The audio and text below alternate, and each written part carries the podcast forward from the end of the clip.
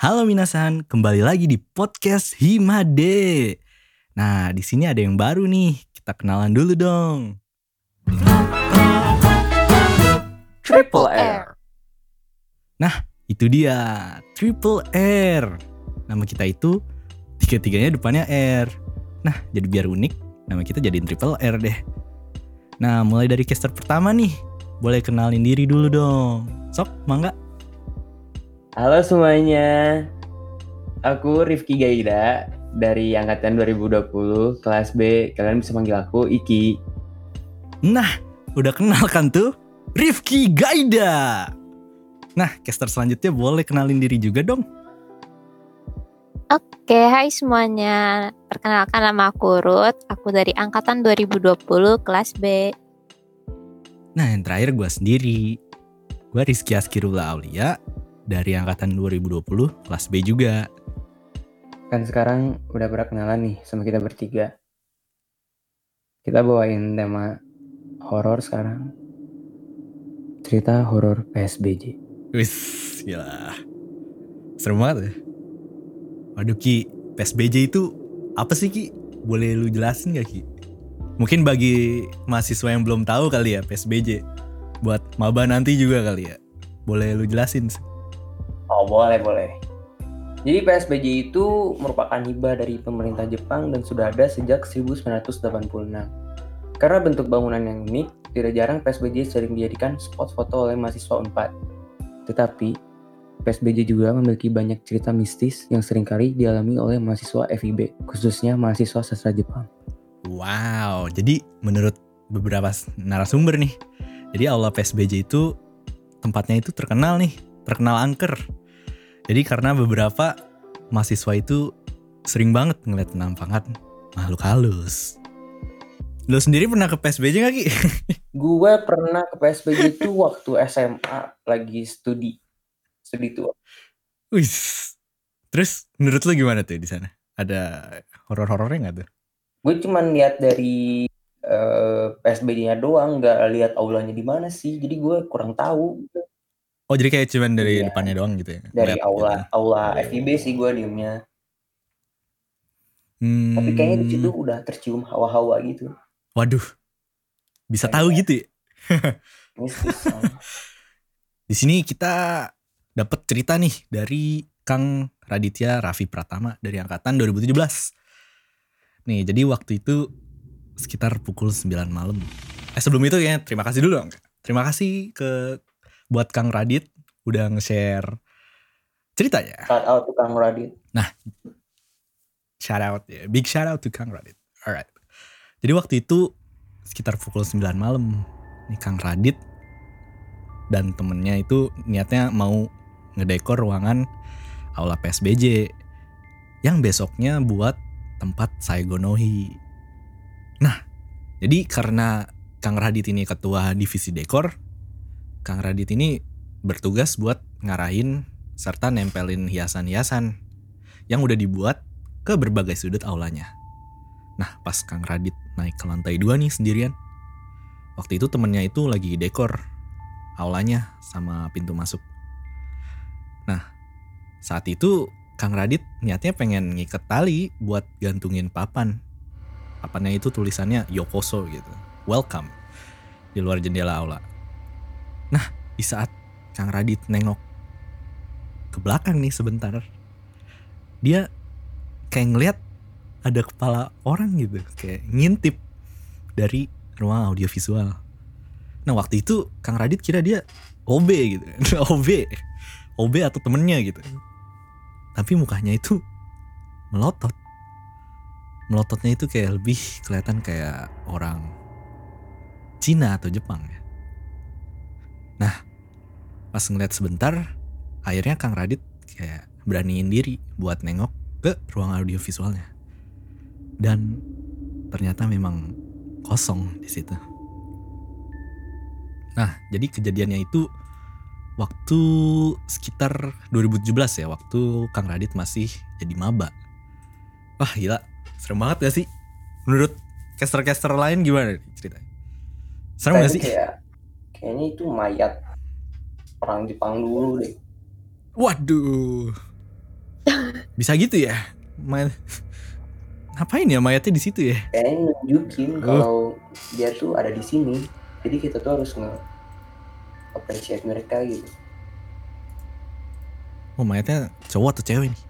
ini Nggak kita tahu tahu ya gitu ya. sih dari narasumbernya nggak terlalu Eh, detail banget mungkin karena kejadiannya udah lama juga Hmm. gitu Hmm, betul juga sih ya. Nah, berikut juga ada cerita selanjutnya nih. Boleh di ceritain nih sama caster selanjutnya. Siapa nih? Oke oke. Mungkin gue yang ceritain aja deh untuk cerita kedua ini. Jadi cerita kedua ini berasal dari Kang Muhammad Tarik Fernanda. Big thanks to Kang Muhammad Yeah, shout Tarik. out to Kang Tarik. Oke. Eh, jadi itu oke kita lanjut ya. Jadi hmm, Kang Tarik ini punya pengalaman mistis juga saat di aula PSBJ dan kebetulan dia juga jadi maba waktu itu tuh. Wah, kebanyakan emang dari maba ya. Pengalaman-pengalaman kayak gini ya. Kenapa ya maba? Mungkin ditarget kali. kayaknya itu disambut sama yang di sananya Oh, bisa bisa bisa. Bisa jadi teori ya. Oke, boleh lanjut. Oke, oke, kita lanjut ke ceritanya nih dari Kang Tarik. Jadi, waktu itu Kang Tarik tuh mab jadi maba kan dan ada acara di Jepangannya sastra Jepang. Namanya Facebookan. Jadi di Facebookan ini ada obake. Obake itu ada yang bisa ngejelasin nggak obake itu apa? Obake itu rumah hantu, Ruth. Oh, oke oke berarti jadi di acara Facebookan ini ada rumah hantu guys atau obake. Nah, tempat yang dijadiin buat rumah hantunya ini ada di aula ETSBJ yang emang terkenal angker gitu. Ceritanya Kang Tarik ini jadi hantu untuk obake ini. Jadi dia sekitar jam 7 pagi itu dia tuh sampai di aula PSBJ kan. Terus dia mau naruh barang di backstage karena shiftnya Kang Tarik ini buat jadi hantunya itu sekitar pukul 9. Nah, kondisi backstage-nya ini lagi gelap banget dan di sekitarnya ada properti-properti bekas pementasan teater kayak pilar dan lain-lainnya lah. Terus waktu Kang Tarik taruh tasnya, tiba-tiba pilar di sebelahnya tuh goyang-goyang sendiri. Bah. karena feelingnya nggak enak. Karena feelingnya nggak enak itu dan pada dasarnya Kang Tarik itu bisa ngerasain gitu ya ngerasain hawa-hawa mereka gitu. Jadi Kang Tor Kang Tarik eh ngomong gitu punten saya cuma mau taruh tas di sini nanti jam 9 ke sini lagi. Waduh, dia bisa ngomong gitu ya sama mereka. ya. Ah, gila, serem gue. dia anak indigo Hmm. Bau-baunya gitu sih. Bu, mungkin bisa ngerasain doang gitu. Ngelihat kurang tahu deh. ya. Soalnya temen gue dulu dulu SMA juga ada yang cuman bisa ngerasain. Ngelihat tapi kayak nggak nyampe situ. iya temen gue juga gitu ada sih biasanya belum dikasih berkah itu berkah ya namanya ya, berkah ya. yang kayak gini tuh yang bisa ngeliat tuh sama ngerasain tuh itu disebut berkah Us, berkah. karena nggak semua orang itu bisa lihat yang kayak gini gitu Hmm. hanya beberapa orang Lu mau Ki ngeliat gituan? udah sering tuh Waduh. Bahaya. Oke, lanjut nih, masih ada lanjut ceritanya. Jadi itu setelah jam 9, Kantorik itu balik ke backstage buat ngambil tas gitu. Karena bentar lagi gilirannya dia buat jadi hantunya gitu. Nah, pas dia ngambil tasnya lagi, pilarnya tuh goyang-goyang lagi guys. Dia langsung permisi lagi gitu kan, punten gitu katanya. Eh, ternyata ada sosok hitam besar tinggi sekitar 2 meter gitu muncul di samping pilar ngeliatin dia gitu dan Kang Torik cuman diem nelan ludah ya udah langsung lanjut jalan aja biarin deh biar katanya jangan diladenin aja Oh berarti dia bisa ngeliat ya?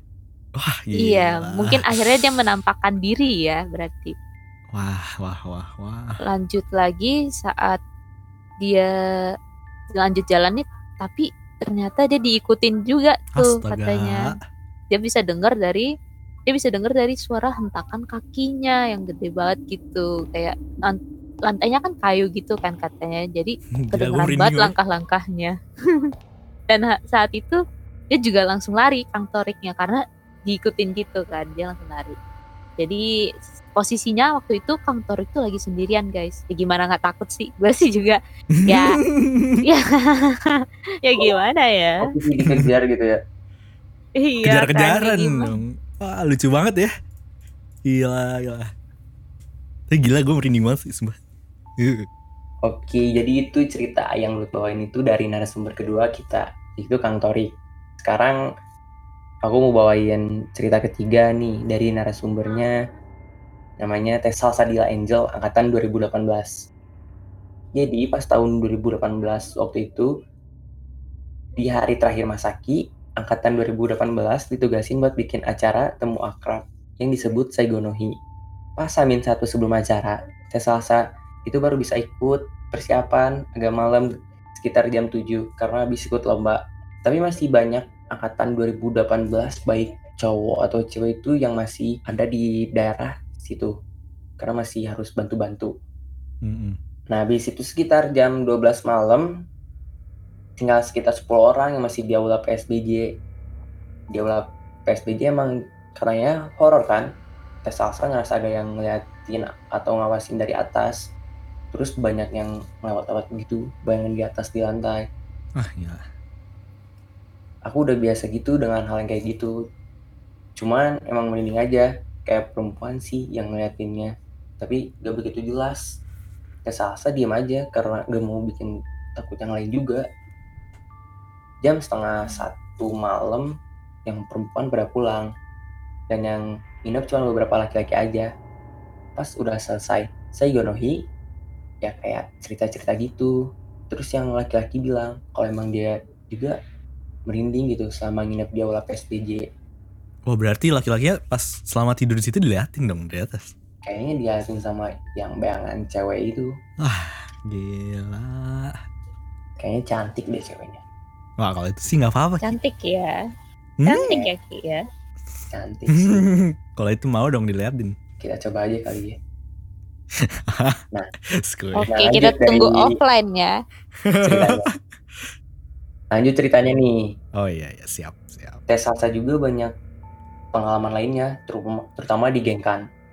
Tes salsa emang suka nongkrong di PSBJ sampai malam banget sama temen-temen.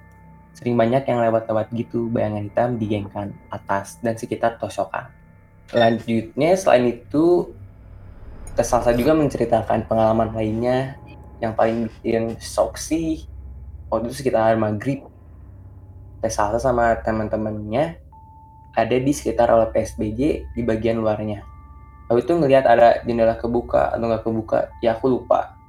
Maghrib ya, ih serem ya. Ya seharusnya sih kalau maghrib tuh lebih baik diam dulu kalau di Sunda itu.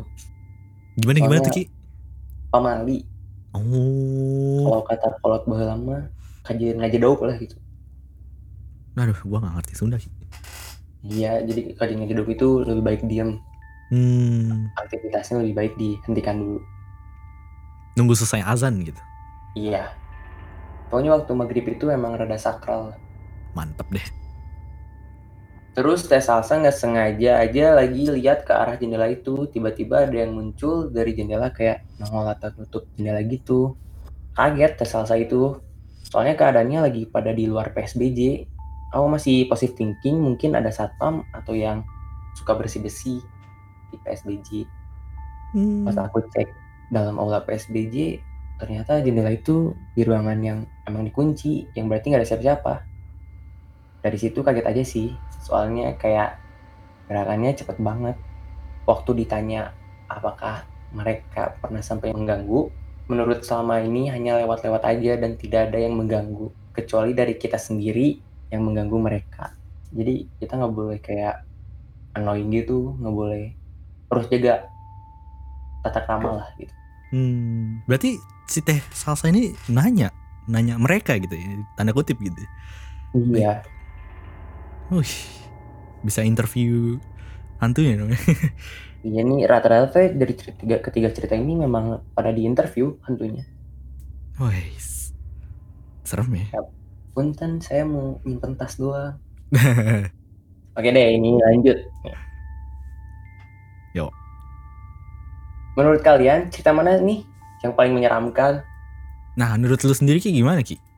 Menurut deh, menurut lu berdua apa sih? Eh apa sih? Cerita mana nih yang paling serem nih?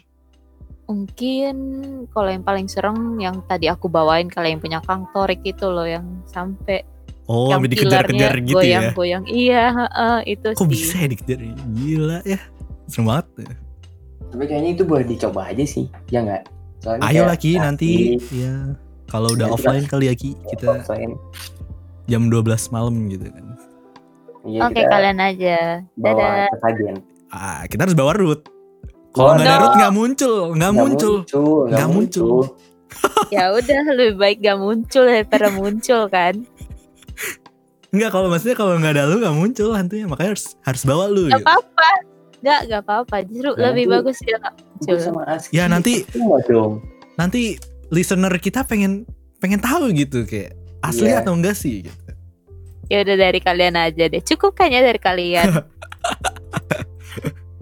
Jadi kalau menurut gue sendiri nih cerita yang Kang Torik juga kali ya. Soalnya bener-bener sampai dikejar juga sih ya. 2 meter lagi. 2 meter sosok hitam kayak nungguin terus tiba-tiba dikejar gitu. Gimana nggak horor banget dia.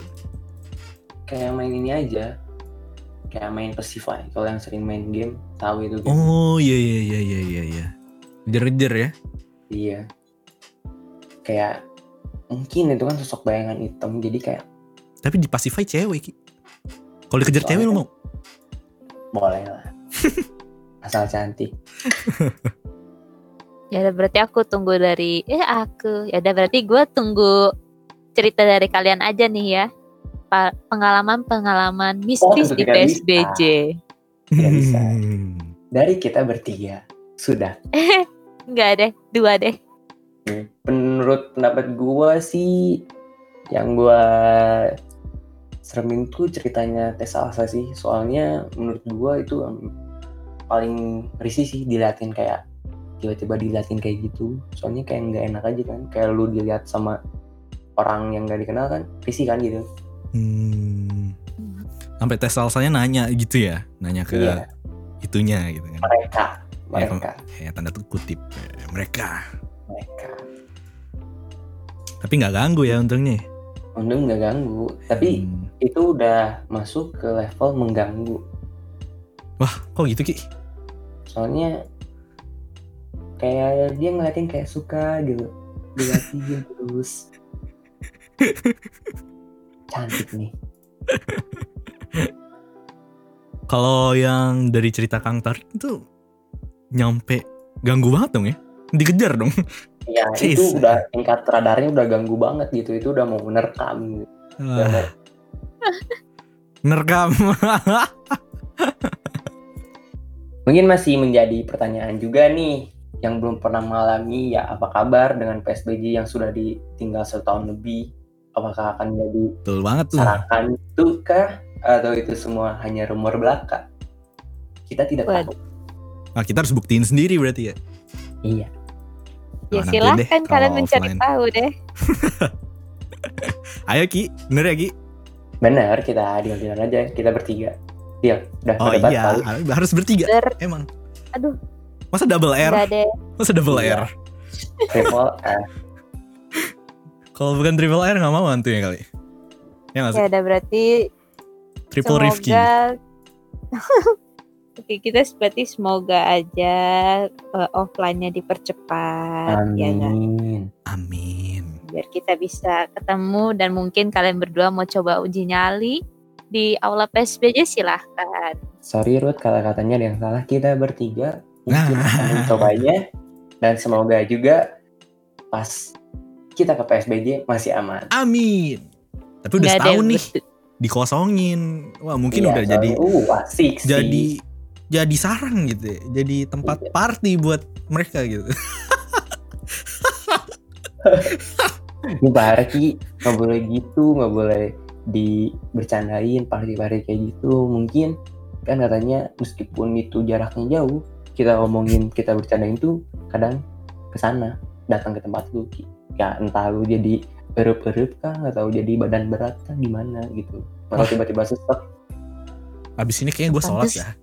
Bukannya tadi Aski udah merinding-merinding ya? mungkin itu sudah ada gejalanya sih udah rada deket Aduh, aduh. Abis ini gue sholat, ya, gue minta lindung dulu sama Tuhan. Nah, cukup sekian nih episode kita pada hari ini. Kira-kira next episode kita bakal bawain apa ya? Nah, bagi yang pengen tahu nih next episode nih bahas apaan, kalian bisa stay tune di podcast Himade. Jangan lupa like, share, dan follow akun podcast Himade di Spotify. We'll see you on the next episode. may goodbye Salamat ka na